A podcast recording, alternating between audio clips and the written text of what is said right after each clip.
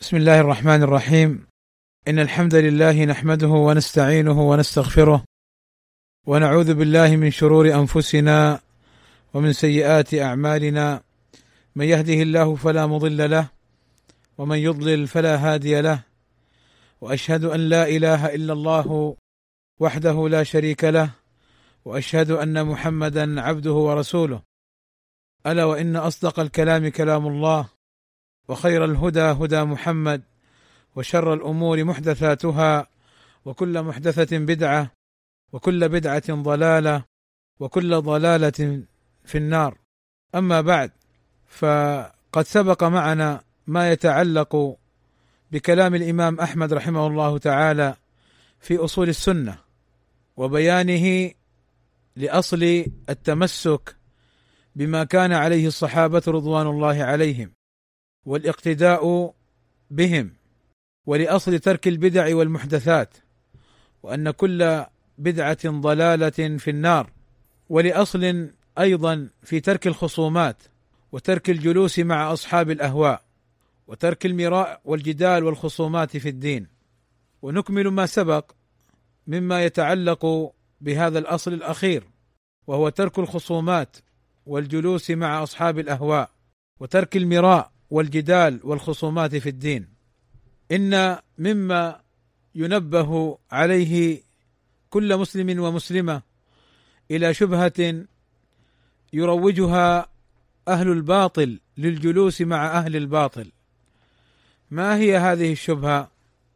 هذه الشبهة تقول خذ الحق من أي أحد واقبله والحكمة ضالة المؤمن. فنقول لهؤلاء النصوص الشرعية تحذرنا من علماء السوء. فكيف تقولون أنتم خذ الحق من كل أحد؟ ونقول لهم ثانيا مذهب السلف رضوان الله عليهم الذي حكاه الإمام أحمد ها هنا مذهبهم ترك الجلوس مع أهل البدع والأهواء. وهذا جاء عن جماعة من السلف كانوا يحذرون من مجالسة أهل الأهواء ومن مخالطتهم ومن السفر معهم ومن القراءة لكلامهم وكتبهم. هكذا كان السلف رضوان الله عليهم يحذرون من ذلك. فإن قيل ماذا تفعل في حديث رسول الله صلى الله عليه وسلم لما أخبره أبو هريرة رضي الله عنه بأن الشيطان أخبره أن آية الكرسي فيها من الفضل كذا وكذا فقال له النبي صلى الله عليه وسلم صدقك وهو كذوب. نقول العلماء رحمهم الله تعالى يفرقون بين أمرين لا بد أن نتنبه له. الأمر الأول أن نقصد وأن نتعمد السماع لكتب أهل الباطل بحثا عن الحق فيها فهذا مذموم ولا يجوز لنا. لأن الحق صافي وموارده معلومة مشهورة. لسنا في شك من الحق الذي عندنا بفضل الله تعالى. وأما الحالة الثانية وأما الحالة الثانية أن يبلغنا الحق ويثبت عندنا الحق فها هنا يجب قبول الحق ولا يجوز رده بأن قائله فلان أو فلان. ولكن لم نقبله لأن قائله فلان أو فلان وإنما قبلناه لأنه حق ثبت عندنا. لأنه حق ثبت عندنا. فأبو هريرة رضي الله عنه لم يذهب إلى الشيطان أو إلى مجهول وإنما أتاه الشيطان وأمسكه أبو هريرة في صورة شخص فظن أنه ممن يسرق التمر ويسرق من الزكاة. فأمسكه أبو هريرة فقال له الشيطان أعلمك آية تكون حفظا لك. ومع ذلك أبو هريرة كما سبق لم يذهب إلى هذا المجهول أو هذا الشيطان وإنما كما سبق بلغه وأتى إليه وكلمه. بل كما ذكر ابن تيمية رحمه الله تعالى كل دليل يستدل به أهل الباطل على باطلهم كل دليل من الأدلة الشرعية يستدل بها أهل الباطل على باطلهم يمكن أن نقلب الدليل عليهم. ونجعل الدليل الذي استدلوا به حجة لهم نجعله حجة عليهم. ونطبق الآن. نطبق الآن في حديث أبي هريرة هذا. في حديث أبي هريرة رضي الله عنه. ووجه التطبيق كالتالي. اولا نقول لهم أبو هريرة لم يذهب إلى أهل الباطل ليسمع منهم وإنما أتاه هذا المجهول وتكلم عنده. هذا وجه ووجه ثاني دقيق وتنبهوا له وهو أيضا منهج علمي لطالب العلم. لم يقبل أبو هريرة كلام الشيطان ولم يسلم له حتى عرضه على النبي صلى الله عليه وسلم فأقره النبي. وأنتم تريدون من عوام الناس أن يقبلوا الحق وأن يبحثوا عن الحق في كتب أهل الضلال. فهل يستويان مثلا؟ لا والله لا يستويان مثلا. ولذلك كما سبق هذه شبهة يروج لها أهل الباطل. الحكمة ضالة المؤمن. خذ الحق ممن جاء به. فينبغي لنا أن نتفطن وأن نتنبه لهذه الشبهة وهذا هو ردها كما سبق. نعم إخواني وأخواتي أوصيكم ونفسي بأمر مهم نبه عليه أهل العلم كثيرا وكثيرا. ما هو هذا الأمر؟ هو قبول الحق إن ثبت من قائله سواء كان من صغير أو كبير. بعض الناس يرد الحق ويقول هذا الكلام لا يقبل. لماذا؟ قال لأن صاحبه مجهول لأن صاحبه صغير لأنه يرد به على فلان وفلان. طيب الآن الحق إن ثبت لا يجوز لك أنا أتكلم عن حق قد ثبت. لا يجوز لمسلم ولا مسلمة أن يردوا الحق كما قال ابن قيم الجوزية وابن تيمية وغيرهم أن في كلام لهم معناه أن من رد الحق يصاب بمرض القلب وأن من رد الحق يخشى عليه الانحراف وأن من رد الحق فقد رد الحق على الله عز وجل. ولذلك نبه ابن قيم الجوزية وابن رجب وغيرهم من علماء السنة على وجوب قبول الحق وعدم معارضته. فقولوا لي بربكم كيف حال من يشكك في الحق وهو يعلم أنه الحق؟ كيف حال من يصرف الناس عن الحق وهو يعلم أن هذا هو الحق؟ كيف حال من يأتي بشبه ليرد الحق؟ فلا حول ولا قوة إلا بالله. نسأل الله نسأل الله الثبات على الحق ونسأله سبحانه وتعالى أن يعيذنا من مضلات الفتن.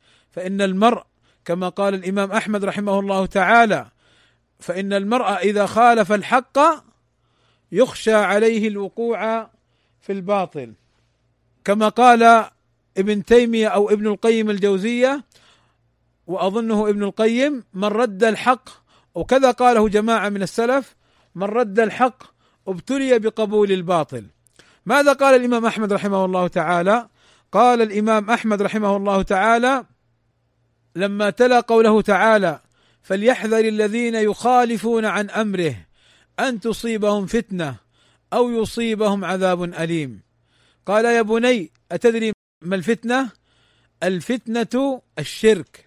وقال الإمام أحمد وغيره من السلف من رد السنة ففي قلبه دغل.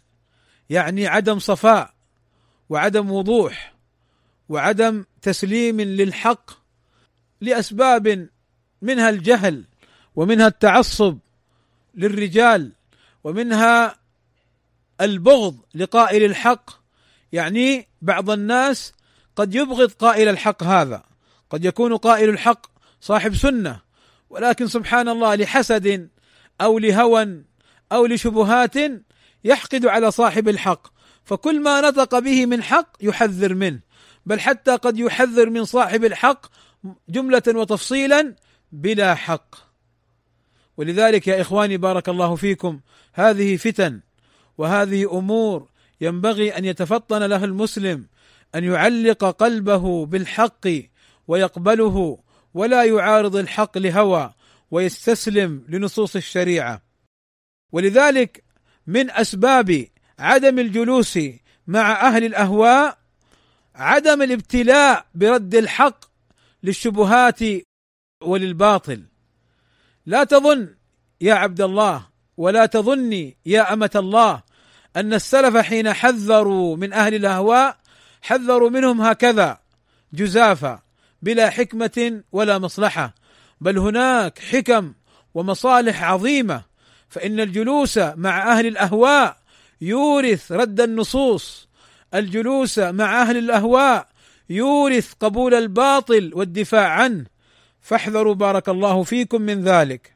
ولذلك تأملوا قول الإمام أحمد وترك الخصومات أي وترك الجلوس مع أصحاب الأهواء وترك المراء الجدال والخصومات في الدين.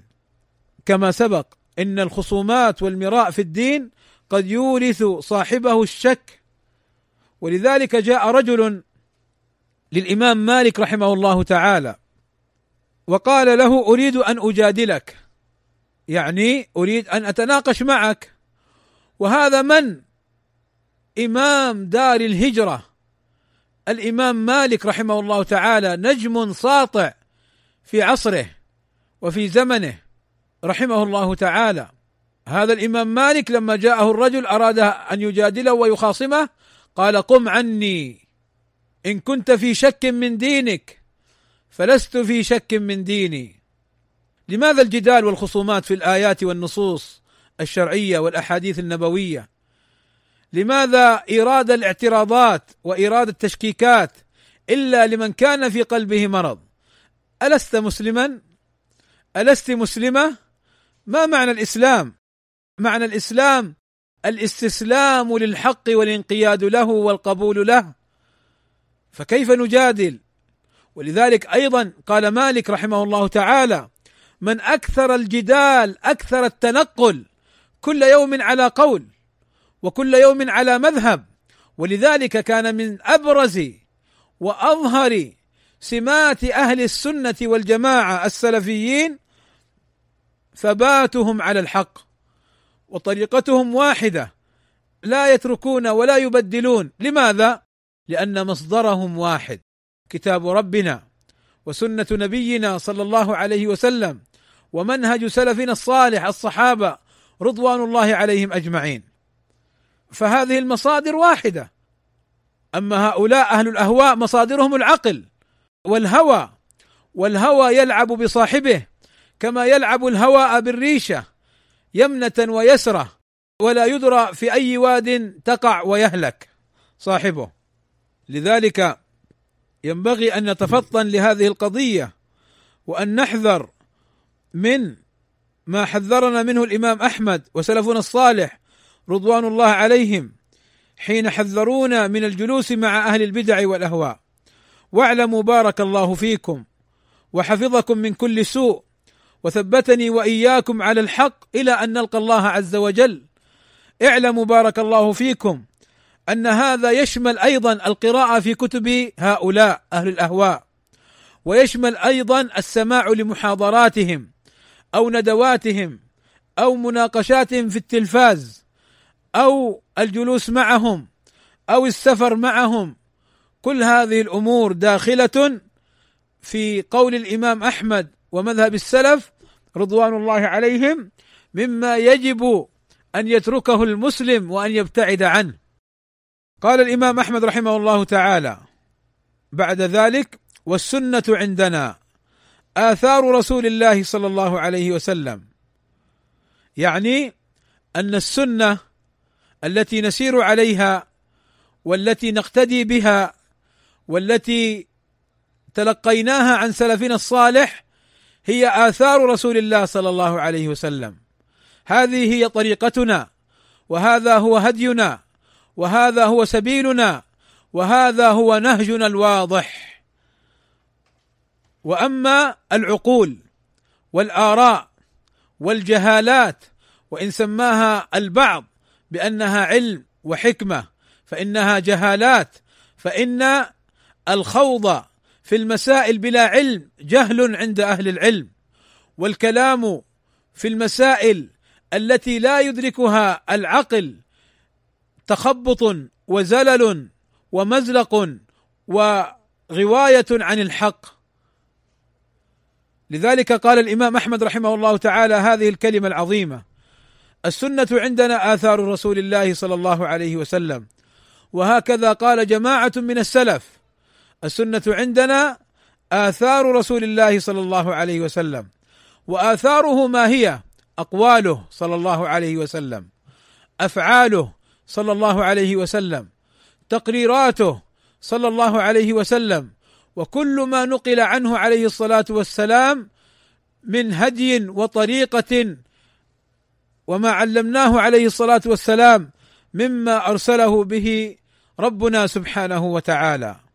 هكذا يعلق المسلم قلبه وعقله وهواه بسنة رسول الله صلى الله عليه وسلم فيكون هواه تبعا لما جاء به النبي صلى الله عليه وسلم. قال الإمام أحمد رحمه الله تعالى والسنة عندنا تفسر القرآن وهي دلائل القرآن وليس في السنة قياس ولا تضرب لها الأمثال ولا تدرك بالعقول ولا الأهواء إنما هو الاتباع وترك الهوى. هذا النص من الإمام أحمد رحمه الله تعالى نص عظيم وهو يبين لنا منزلة السنة مع القرآن مع كلام ربنا سبحانه وتعالى. السنة مع القرآن كما قال الإمام الشافعي لها ثلاث أحوال. الحال الأولى أن تكون موافقة للقرآن فالله أمرنا بالصلاة وتأتي السنة بالأمر بالصلاة. وأمرنا بالصيام وتأتي السنة بالأمر بالصيام. والحال الثانية أن تأتي السنة شارحة ومبينة للقرآن.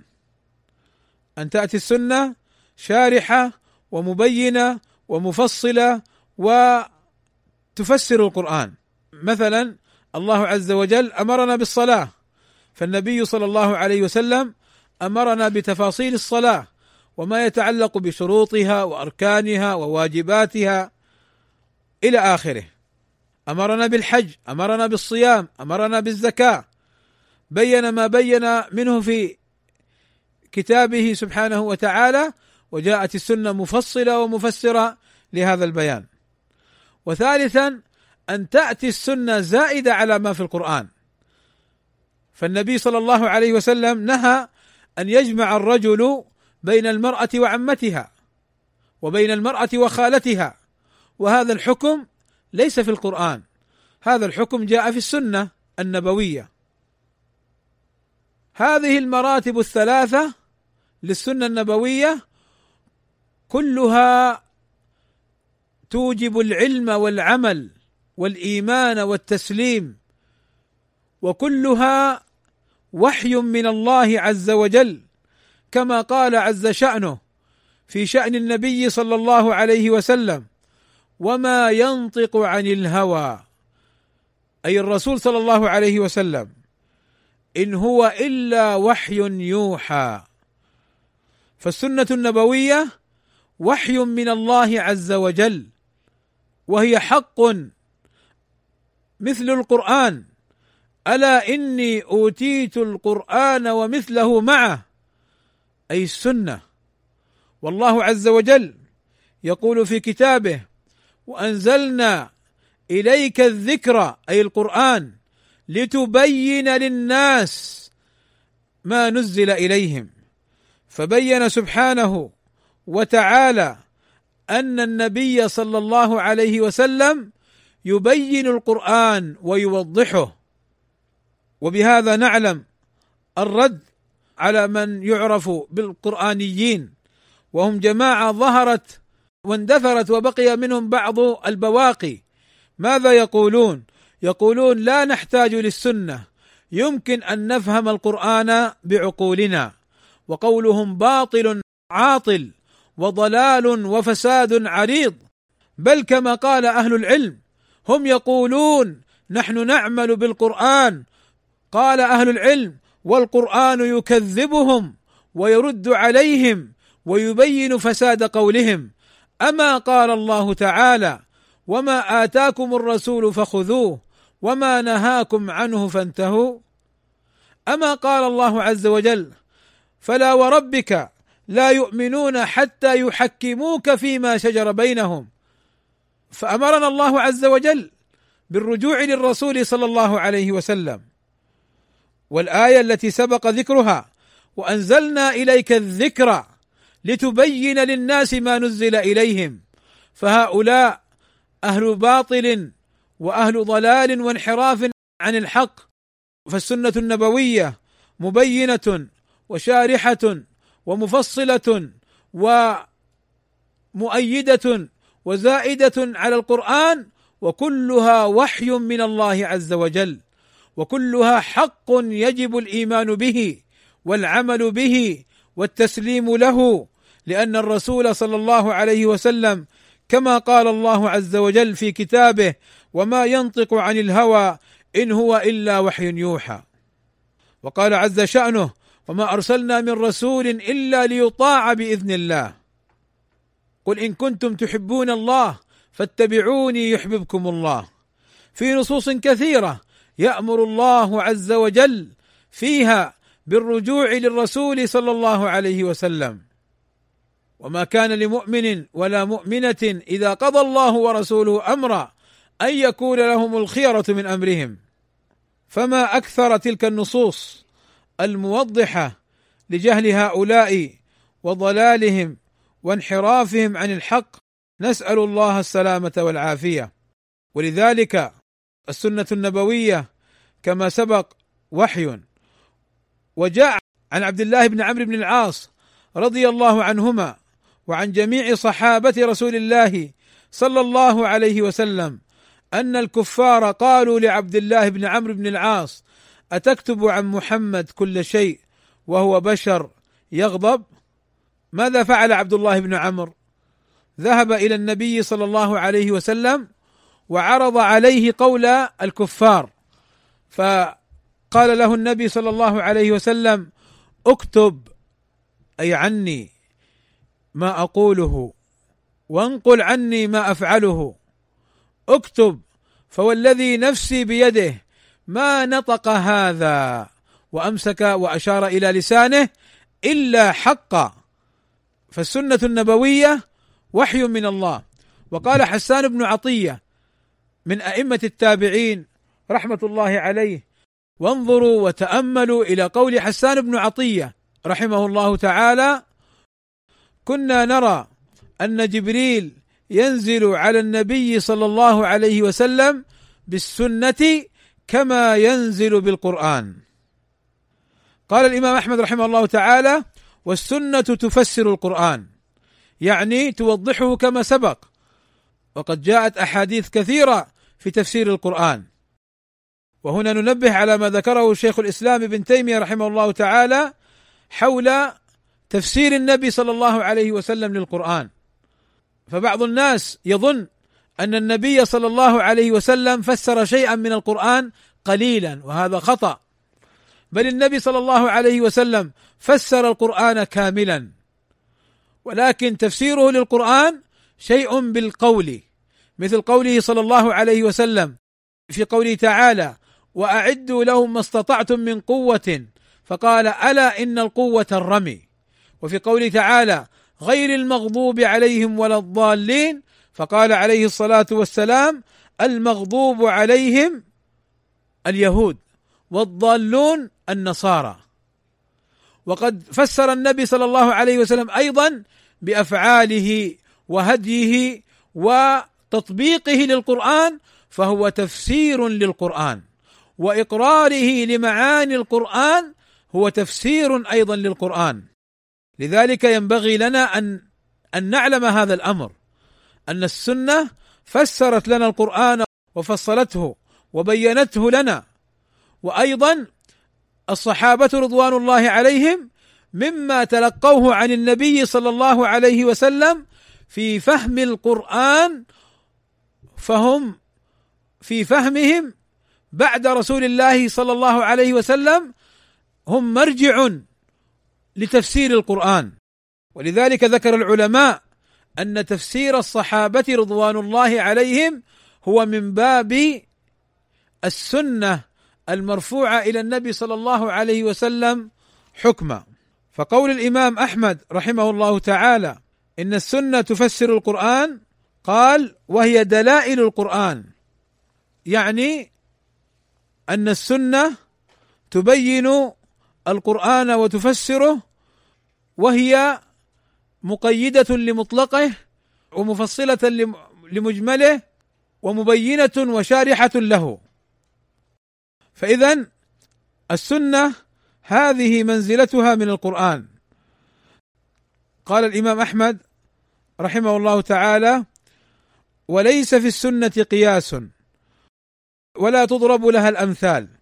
يعني إذا جاءتك السنة تسلم لها ولا تعارضها. كيف بكذا؟ وماذا نصنع بكذا؟ مرة أبو هريرة رضي الله عنه كان يحدث بأحاديث النبي صلى الله عليه وسلم فسأله بعض التابعين فقال له أرأيت كذا وكذا؟ فقال له اجعل أرأيت عند ذاك النجم. يعني لا تعارض حديث رسول الله صلى الله عليه وسلم بمثل هذا الأسلوب وبمثل هذا الكلام وإنما سمعا وطاعة وامتثالا لأمره عليه الصلاة والسلام. وليس في السنة قياس. ما معنى وليس في السنة قياس؟ معنى وليس في السنة قياس يعني القياس لا يستعمل في الأمور الغيبية والقياس لا يستعمل في الأمور التي متعلقة بالله عز وجل قياسا يتوصل به إلى علم ما لم نخبر به. فإن هذا لا يجوز. وأما القياس في الفقه والقياس في المسائل الفقهية والفرعية ليس مراد الإمام أحمد رحمه الله تعالى نفيه. وإنما مراده القياس الذي يعارض به التوحيد والقياس الذي يتوصل به إلى البدع والضلالات والهوى والتشكيك في الحق فهذا هو القياس المذموم. فبين الإمام أحمد رحمه الله تعالى أن السنة يسلم لها وأن أمر التوحيد وأن أمر التوحيد والأمور الغيبية لا يدخلها القياس. وأما الاستدلال بالأدلة الشرعية وبيان ما فيها من معاني والاستدلال بهذه المعاني بالعقل على ما كان عليه السلف في إثبات الحق ورد الباطل فإن هذا لا يدخل في قول الإمام أحمد رحمه الله تعالى كما نص على ذلك السلف رضوان الله عليهم. وقد نص على ذلك الخطيب البغدادي رحمه الله تعالى وبين أن استعمال القياس الصحيح في الموافق للنصوص الشرعية والمبين لها والسائر على سننها أنه ليس داخل في مثل هذه المسائل. إنما القياس الذي يذم كما سبق هو الذي يعارض به الحق أو يخوض به قائله وصاحبه في أمور لا تجوز له. قال الإمام أحمد رحمه الله تعالى ولا تدرك بالعقول أي لا تدرك السنة أي لا تدرك السنة بالعقول. بمعنى كما قال شيخ الإسلام ابن تيمية رحمه الله تعالى أن العباد لا يدركوا فعل الطهارة بأنفسهم بغسل كذا وترك كذا. ولا يدركوا مثلا تقدير أحكام الزكاة وتقدير الصيام بعقولهم إلا عن طريق الوحي. وليس معنى قول الإمام أحمد ولا تدرك بالعقول أن السنة لا تفهم لا. إنما مراده أن البشر لا يتوصلون إلى شرع الله وإلى سنة رسول الله بمجرد عقولهم. لا بد من رسول ليبين لهم ولا بد من طاعة هذا الرسول صلى الله عليه وسلم. فاذا هذا معنى قوله لا تدرك بالعقول. وهذا هو مثل قول علي بن أبي طالب رضي الله عنه وعن جميع صحابة رسول الله صلى الله عليه وسلم حين قال لو كان الدين بالرأي لكان مسح أسفل الخف أولى من مسح أعلاه. فالدين ليس بالرأي. فالدين ليس بالرأي. إنما الدين هو ما جاءنا به رسول الله صلى الله عليه وسلم عن ربنا سبحانه وتعالى بلغه به جبريل عليه الصلاة والسلام. فاذا هذا هو معنى قول الإمام أحمد رحمه الله تعالى أن السنة لا تدرك بالعقول وليس معناه أن السنة لا تفهم كما سبق وإنما معناه أن السنة التي جاء بها النبي صلى الله عليه وسلم لا يمكن للبشر أن يأتوا بمثلها بعقولهم. لماذا؟ لأنها من عند الله عز وجل. وكما مر معنا في قول حسان بن عطية كنا نرى أن جبريل ينزل على النبي صلى الله عليه وسلم بالسنة كما ينزل بالقرآن. وأيضا الرسول صلى الله عليه وسلم كان أحيانا يسأل فيقول لا أدري حتى يأتيه الوحي وهو بشر عليه الصلاة والسلام. قل إنما أنا بشر مثلكم ما الفرق؟ يوحى إليه. ولذلك الإمام أحمد رحمه الله تعالى بين أن سنة النبي صلى الله عليه وسلم التي جاء بها من عند الله عز وجل لا يمكن أن تدرك بالعقول المجردة فلا بد من طريق الوحي. ولذلك الذين سلكوا في فهم الدين وأعملوا عقولهم وأهواءهم ضلوا وانحرفوا. ومن هنا قال الإمام أحمد ولا تدرك أي السنة بالعقول ولو كانت عقول أذكياء العالم. كما مر معنا في الأصول الستة عن الإمام محمد بن عبد الوهاب عن الإمام محمد بن عبد الوهاب رحمه الله تعالى حين ذكر أن هذه الأصول الستة مع وضوحها وبيانها وظهورها ضل فيها أذكياء العالم. ما فادتهم عقولهم؟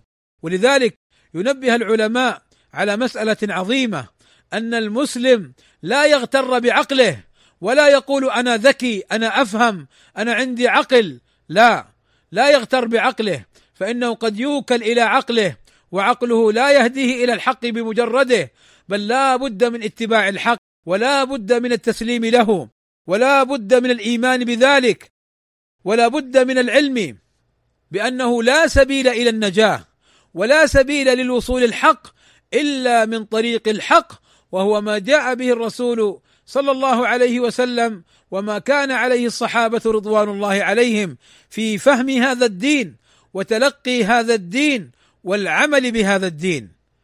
ولذلك الواحد منا لا حول له ولا قوة إلا بمن؟ إلا بالله عز وجل. فنحن أيضا نكرر إياك نعبد وإياك نستعين. فنستعين بالله عز وجل في جميع أمورنا. ولذلك الإمام أحمد رحمه الله تعالى قد أبلغ النصيحة حين بين أن السنة لا تدرك بالعقول ولا بالأهواء. السنة لا تدرك بالهوى. ولذلك ضل من ضل حينما قال لماذا للذكر مثل حظ الأنثيين؟ لماذا الذكر يأخذ الضعف والأنثى تأخذ نصف الذكر؟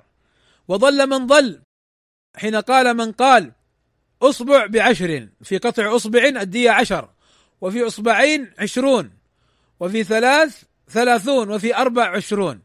فقال كيف هذا؟ فكان السلف يجيبون إنها السنة يعني يجب أن تسلم لها ولا تعارضها ولا يعني تظن أنك تدرك امرا أنك تدرك امرا لم يدركه الرسول صلى الله عليه وسلم. لم يدركه الرسول صلى الله عليه وسلم. فأنت يا عبد الله مهما بلغت من الذكاء ومهما بلغت من العقل فإنك لا تدرك الحق بمجرد عقلك. والمراد بإدراك الحق هنا كما سبق الوصول إلى ما جاء به النبي صلى الله عليه وسلم. من الطرائف مع الألباني رحمه الله تعالى من الطرائف من الألباني رحمه الله تعالى مع أمثال هؤلاء أنه مرة جاءه رجل وقال له أنا يعني لا أحتاج السنة وأفهم القرآن وأنا نبي. فقال له طيب يلا صلي. واقرأ القرآن. فصلى الرجل وتخبط في صلاته. فقال نبي لا يحسن الصلاة إنك كاذب. ولذلك الإمام أحمد رحمه الله تعالى يقول هنا لا تدرك السنة بالعقول ولا بالأهواء. طيب كيف؟ قال إنما هو الاتباع وترك الهوى. يعني السنة هي ماذا؟ هي الاتباع وترك الهوى. يقول الإمام أحمد إنما أي السنة والنجاة والطريق الذي أمرنا به ما هو؟ هو الاتباع. اتباع من؟ اتباع الرسول صلى الله عليه وسلم فيما جاء به من من هذا الدين الإسلامي من عند الله عز وجل. واتباع الصحابة رضوان الله عليهم الذين نقلوا لنا هذا الدين وفهموا هذا الدين وتلقوه عن الرسول صلى الله عليه وسلم. قال إنما هو الاتباع وترك الهوى يعني السنة هي الاتباع للنبي صلى الله عليه وسلم والصحابة. وترك الهوى لا تعمل بالهوى. لو ادعيت أنك تعمل بالقرآن وتعمل بالسنة وأنك أيضا تتبع الصحابة ولكن أيضا تعمل بعقلك وهواك تضل وتنحرف. وما أحسن ما قاله الإمام أبو حنيفة رحمه الله تعالى حين قال إذا جاءنا النص من الكتاب والسنة فعلى العين والرأس وإذا جاءتنا آثار الصحابة فعلى العين والرأس وإذا جاءنا عن التابعين فهم رجال ونحن رجال. يعني أنه يسلم للنصوص الشرعية ويسلم لآثار الصحابة ويتبع ثم إذا جاءت مسألة لا دليل فيها فإنه يجتهد فيها على حسب ما تدل عليه النصوص الشرعية رحمه الله ورحم أئمة الهدى. ثم بعد ذلك سيبين الإمام أحمد رحمه الله تعالى سيبين الإمام أحمد رحمه الله تعالى من أصول السنة وأن من ترك منها خصلة لم يكن من أهل السنة. وهذا إن شاء الله ما سيكون يعني اللقاء القادم يوم الثلاثاء بإذن الله تعالى. وقد أطلنا الشرح في اللقاءين أو الثلاثة السابقة لأن هذه المقدمات هي أصول المنهج السلفي وأصول مهمة. وإذا أحكمها المرء وفهم المقاصد الشرعية فيها والمقاصد السلفية فيها فإن ما بعدها سينبني عليها. وينجو العبد بإذن الله تعالى بسلوك هذه الأصول العظيمة.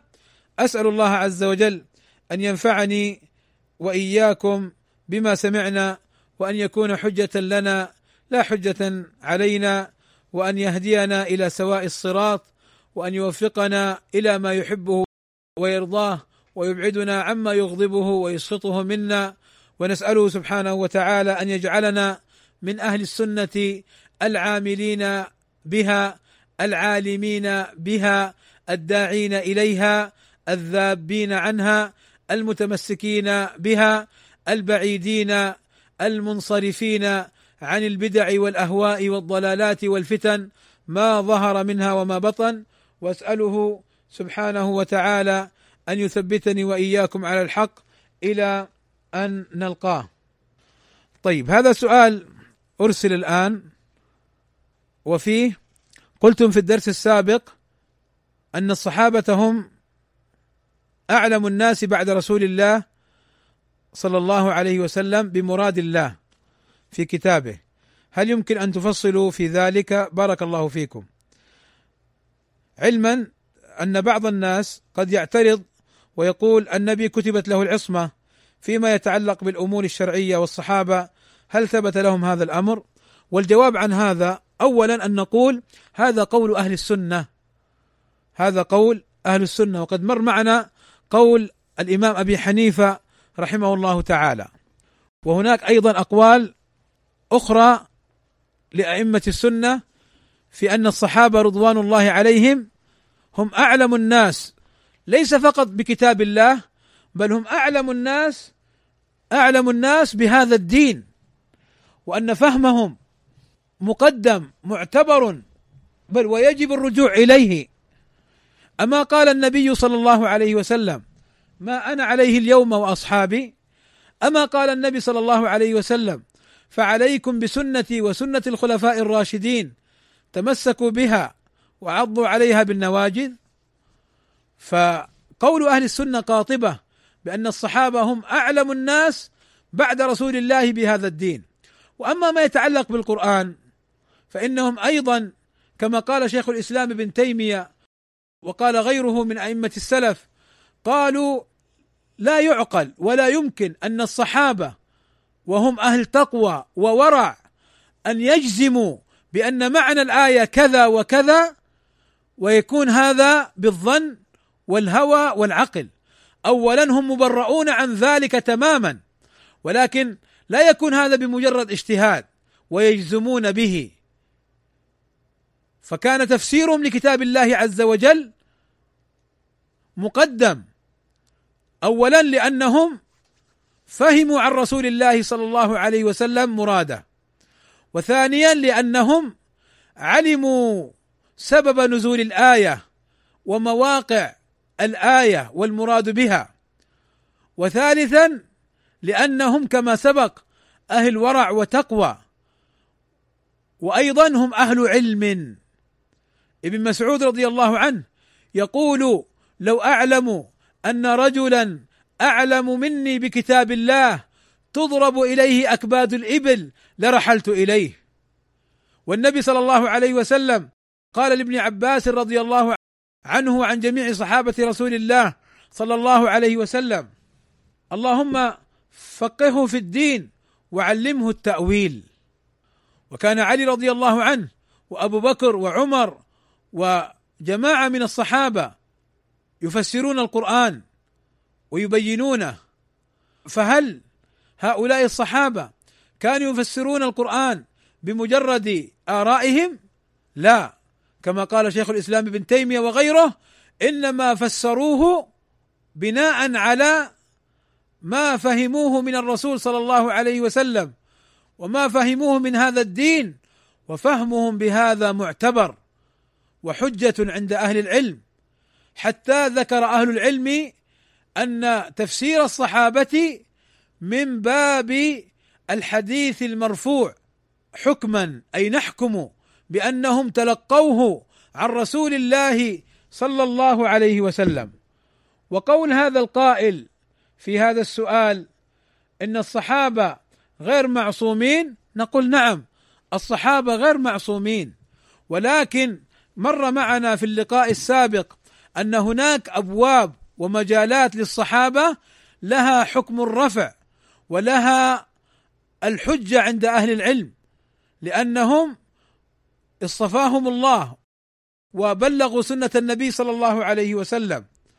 من ذلك باب التفسير ومن ذلك ما يتعلق بالأمور الغيبية ومن ذلك ما يتعلق بأمور العبادات ومن ذلك ما اجمعوا عليه ومن ذلك القول الذي قال به بعض الصحابة وسكت الباقون فهذا إجماع سكوتي.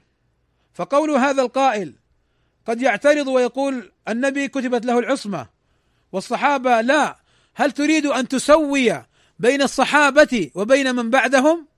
اولا اولا أنت مخالف للكتاب والسنة. وثانيا أنت مخالف حتى للتابعين. يقول مجاهد عرضت القرآن على ابن عباس ثلاث مرات. آية آية. أستوقفه عند كل آية.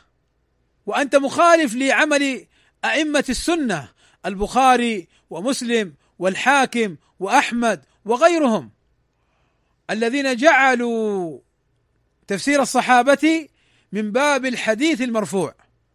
فهم الصحابة كما قال عمر ابن عبد العزيز في وصفهم أنهم تكلموا بعلم وببصر نافذ ووقفوا فيما لم يخوضوا فيه أيضا بعلم مع ما عندهم من علم وقدرة. فلا يشكك في الصحابة أحد ولا يستخف أحد بتفسير الصحابة. نعم الرسول صلى الله عليه وسلم أعلم بمراد الله ولكن الصحابة من بعد عليه الصلاة والسلام قد جعل لهم النبي صلى الله عليه وسلم المرجعية في ذلك.